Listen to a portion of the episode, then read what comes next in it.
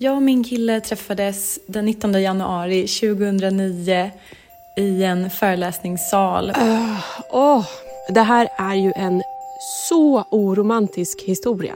Det var först några år senare när stjärnorna och våra livsöden stod rätt som vi fann varandra på riktigt i vår förälskelse. Jag träffade min pojkvän via appen Grindr. Jag träffade för första gången min flickvän på väg hem från kårhuset. Men så träffade jag honom på första försöket, första dejten. Så hittade jag rätt. Och nu är vi ihop. Vad betyder det för en relation på vilket vis man träffades? Och hur svårt är det att överhuvudtaget träffa någon som man faktiskt blir kär i? Är det idag, med alla datingappar, lättare att träffa någon än det var förr? Om du släpper iväg en heliumballong med ett meddelande på, hur stor är chansen att du på det viset träffar ditt livs kärlek? Den borde ju vara väldigt liten. Oddsen känns till och med sämre än med flaskpost. Men det var tack vare en ballong som färdats 100 mil som Dini och Kalle Håkansson träffades. Och det slutade med ett livslångt äktenskap och tre barn. Jag heter Albin Boman och jag och min kollega Viktor Mejdal läste om historien om Dini och Kalle i en gammal Hemmets Journal från 1970-talet och vi fastnade verkligen för den här historien. Hur kunde det vara möjligt att ballongen hamnade så rätt?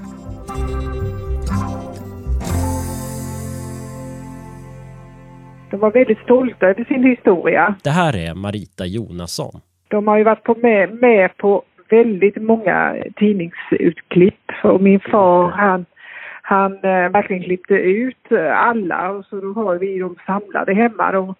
Allting började en vårdag 1950 när Maritas mamma Dini Kommerkamp, då boende i Nederländerna, tillsammans med några kompisar åkte till en marknad i den lilla staden Apeldoorn. Där köpte de varsin heliumballong och Dini bestämde sig för att skicka iväg ett meddelande. Hon skrev några rader på ett kvitto som hon knöt fast i ballongen. Sen släppte hon iväg den.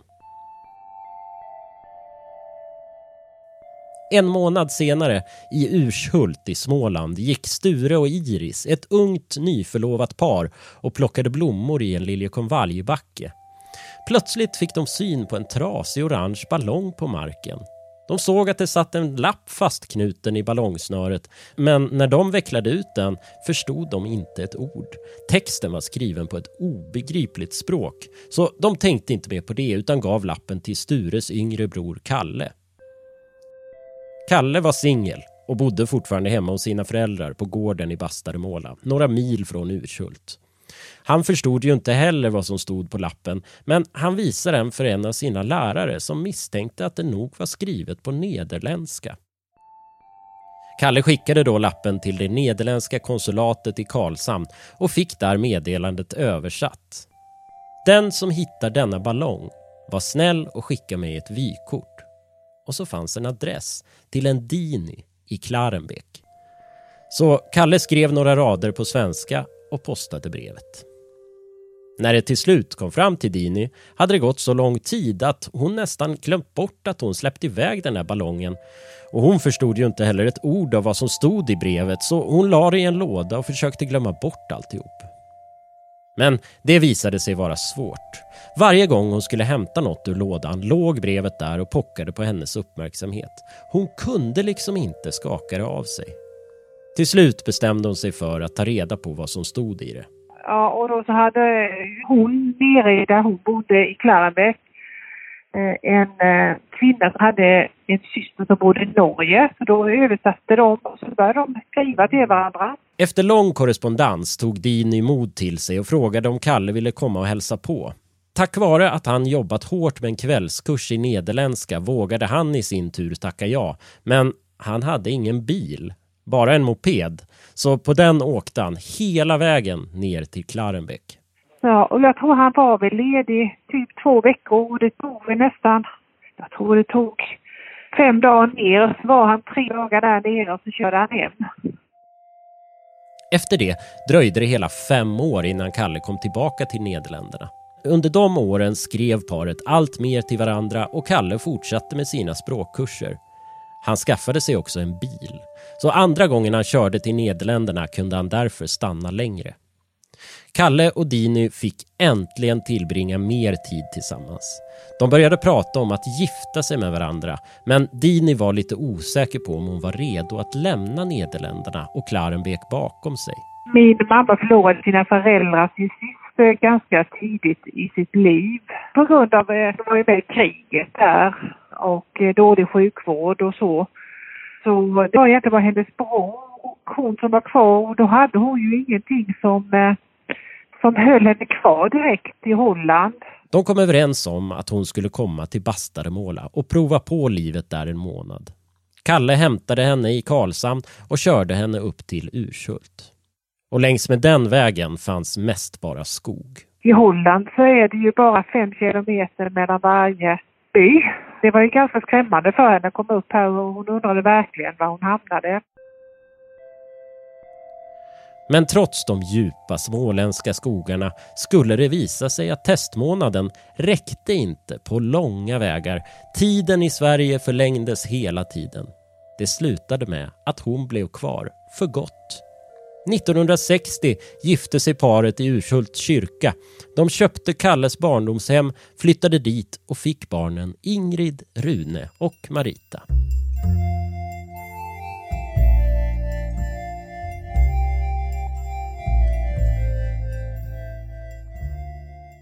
Men den där ballongen färdades alltså på ett ungefär 100 mil. Vad krävs det egentligen för förutsättningar för att den ska åka så långt? Om det är några som kan det här med väder och ballonger så är det SMHI. Ja. Vi får tag på Sverker Hellström som är meteorolog. Eh, men jag tänkte helt enkelt fråga vad det krävs för typ av väderförhållanden för att en ballong ska kunna flyga då från Nederländerna till Sverige som är cirka 100 mil. Ja, eh, ja det naturliga är ju att, att det krävs då vindar som blåser från Holland till Sverige.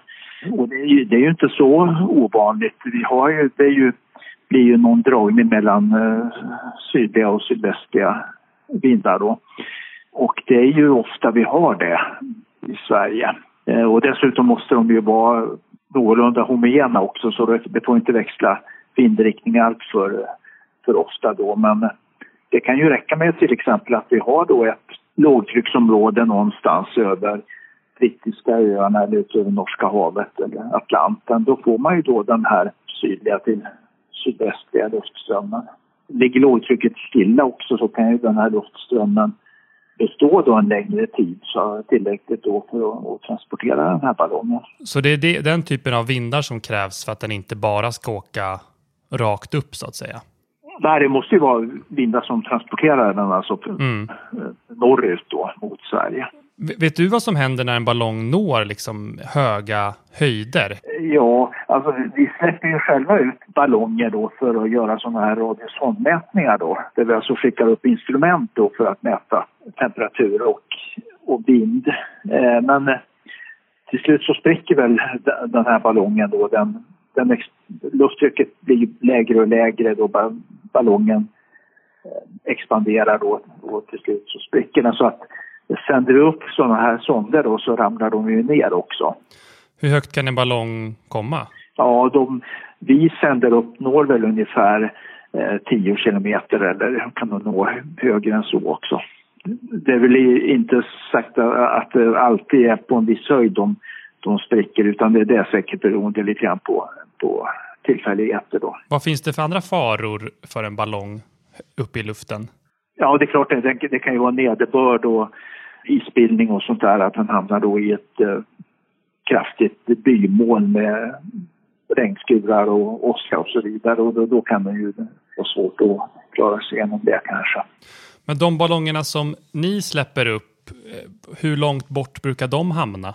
Det beror ju väldigt mycket på vindförhållandena då. Är det eh, svaga vindar i stort sett upp genom atmosfären då, eh, då når den ju ballongen inte så långt. Då stiger den ju mest eh, rätt upp bara egentligen. Men när det är kraftiga vindar, oftast är det ju, kommer man högre upp så är det ju ofta då någon form av västvindar och då drivs ju ballongerna österut. Så en ballong kan alltså ta sig hela vägen från Nederländerna till Småland. Det är inga konstigheter. Men den ska ju också hamna rätt. Om vi nu för en stund reflekterar lite över Kalle och Dinis första dejt.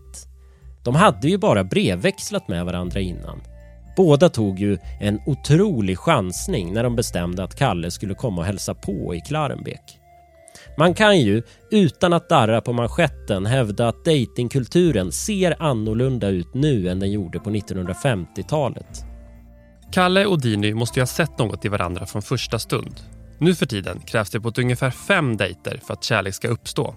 Det berättar Emry Roslund, journalist och datingexpert som tidigare drev podden Singelrådet. Hon säger att datingvärlden har förändrats väldigt mycket bara under de senaste tio åren. Tidigare träffades par oftast ute i festliga sammanhang. Nu har dock de digitala plattformarna tagit över och folk träffas i större utsträckning dels via datingappar men också genom sociala medier som Facebook eller Instagram nästan majoritet senaste gången jag kollade i alla fall så på statistik över hur man träffas så var det, tror jag, 40 procent träffas digitalt. Sen är det ute på krogen, klubben eller via gemensamma vänner eller på jobbet. Det är som de vanligaste platserna. Men har det stor betydelse för förhållandet hur man träffas? Skärmen ligger väl kanske i, träffas man på ett annat sätt, där man liksom inte aktivt valt att träffa någon, eh, så kanske det känns lite mer romantiskt, för då tänker man, ja ah, men det här är ödet, det är meant to be, att det finns liksom en sån förklaring. Finns det någon statistik på hur många dejter det idag krävs i snitt innan folk blir tillsammans? När det kommer till studier kring hur man träffas och hur lång tid det tar för så här kärlek att uppstå, så finns det lite olika metoder att undersöka det på. Och jag tänker i det här fallet kanske man kan utgå från till exempel Match.com som är en av de största dejtingsajterna. De gör ju regelbundet studier på hur deras användare eh, hur det går för dem, hur ofta det sker att eh, man träffar en person via appen. Och eh, där har man i alla fall kommit fram till att det tar ungefär fem dejter i snitt innan man blir förälskad i någon.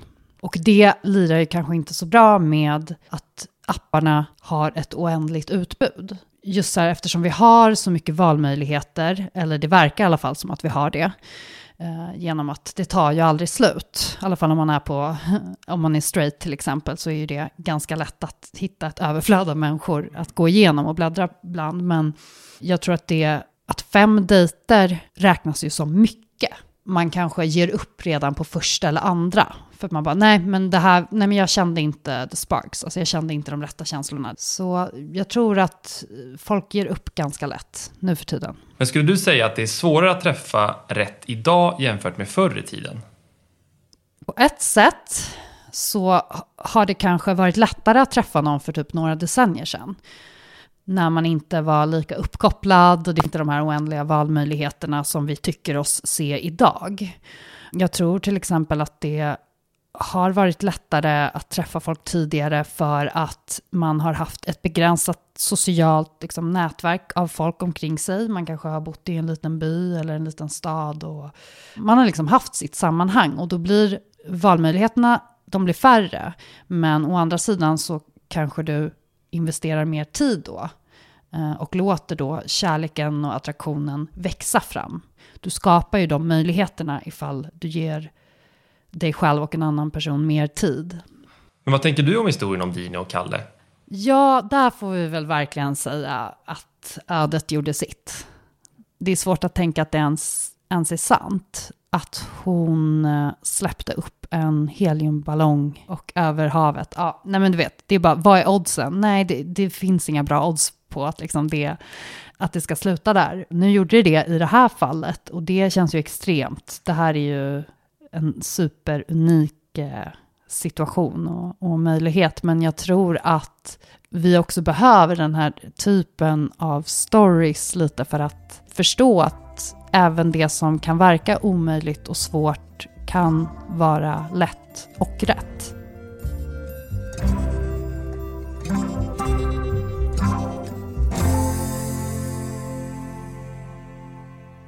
Det går inte att bortse från faktumet att det var en otrolig slump att Kalle och Dini fick kontakt med varandra och dessutom blev kära. Jag och Viktor kan inte sluta tänka på ballongens osannolika resa så vi bestämmer oss för att själva släppa iväg en ballong och se hur långt den kommer. Men för att kunna utföra det testet behöver vi en liten och lätt GPS. Vi åker till Minifinder, ett företag i Växjö som utvecklar GPS-produkter och från deras kontor är det bara 45 minuter till Urshult där allting började. Så vi bestämmer oss för att släppa ballongerna därifrån. Du, här tror jag att man kan skicka iväg en ballong. Du, det tror jag också. Vi rullar genom de djupa småländska skogarna mot platsen där Dini och Kalle bodde, gifte sig och fick barn. Med oss har vi ett gäng ballonger och en heliumtub. Minifinder har satt upp ett abonnemang åt oss och via deras app ska vi kunna se hur GPSen förflyttas. Vi parkerar vid Urshult kyrka som ligger intill en sjö och vi går ner till en bro som delar av sjön. Det blåser rätt mycket och det visar sig att det krävs många ballonger för att få GPSen att överhuvudtaget lyfta.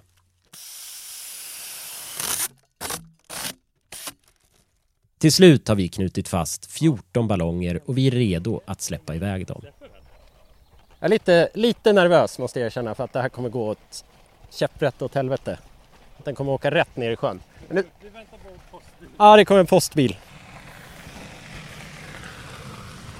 Okej.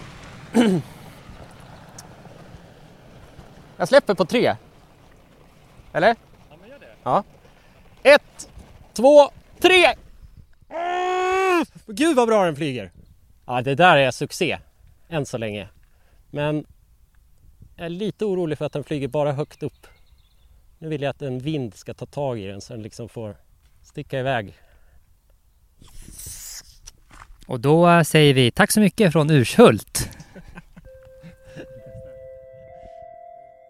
Ja, till en början såg det ut att bli en succé. Ballongerna flög väldigt bra och i bilen på väg hem från Småland följde vi deras färd i appen. Men bara efter några timmar verkade de stanna. Det visade sig att de hade landat på en begravningsplats i Tingsryd, alltså ungefär en mil från Urshult. Våra ballonger kom med andra ord bara en hundradel så långt som Dinis gjorde. Det var lite tråkigt att testet tog slut så fort men på något vis kändes det ändå som att det här ytterligare slog fast vilken otrolig slump det var att Dinis ballong kunde hitta så rätt och i förlängningen att Marita överhuvudtaget kom till.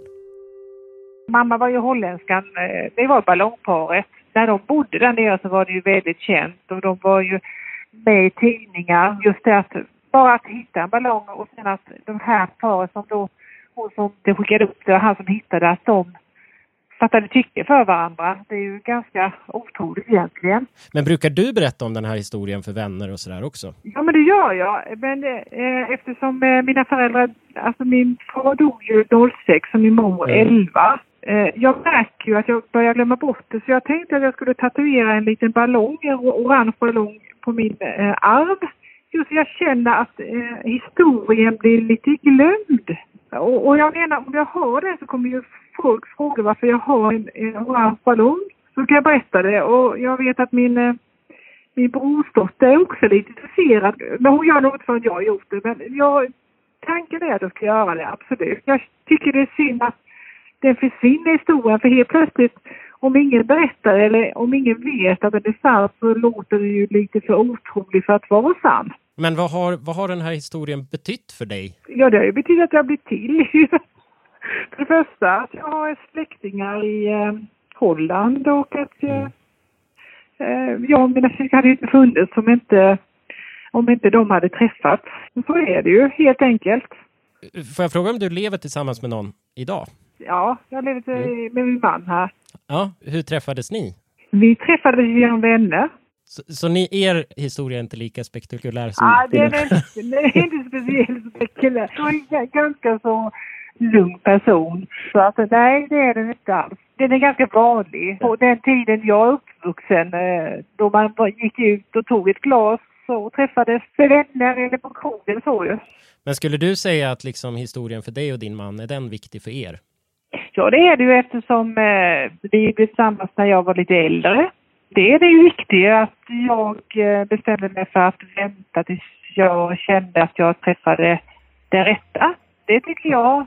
Det förenklar ju eh, livet om man kan hålla tillsammans. för mig kanske det var viktigt att vara lite äldre när man träffas. Vi får verkligen hoppas att det blir en ballongtatuering och att Dini och Kalles historia får leva vidare. För precis som Emelie Roslund var inne på, det är kanske såna här historier vi behöver höra ibland för att hålla hoppet uppe. För även det som verkar vara omöjligt kan hända när som helst. Jag och min kille träffades på Tinder. Jag och min sambo träffades första gången på jobbet. Vi träffades första gången över en chatt. Min man och jag träffades på en ungdomsgård i Falun 1970. Den engelska puben som hade karaoke andra juledag. och det var kärlek för första blick. Då vände jag mig om och poff! Där står Julia och eh, ser helt underbar ut. Och nu har vi varit tillsammans i snart fem år. Vi lärde oss att festa tillsammans och sen när vi några år senare flyttade till Stockholm, det var då vi också insåg att vi var som gjorda för varandra.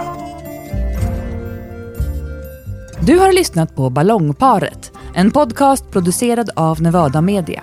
Om du vill komma i kontakt med Albin och Viktor så kan du mejla till podcast@nevadamedia.se.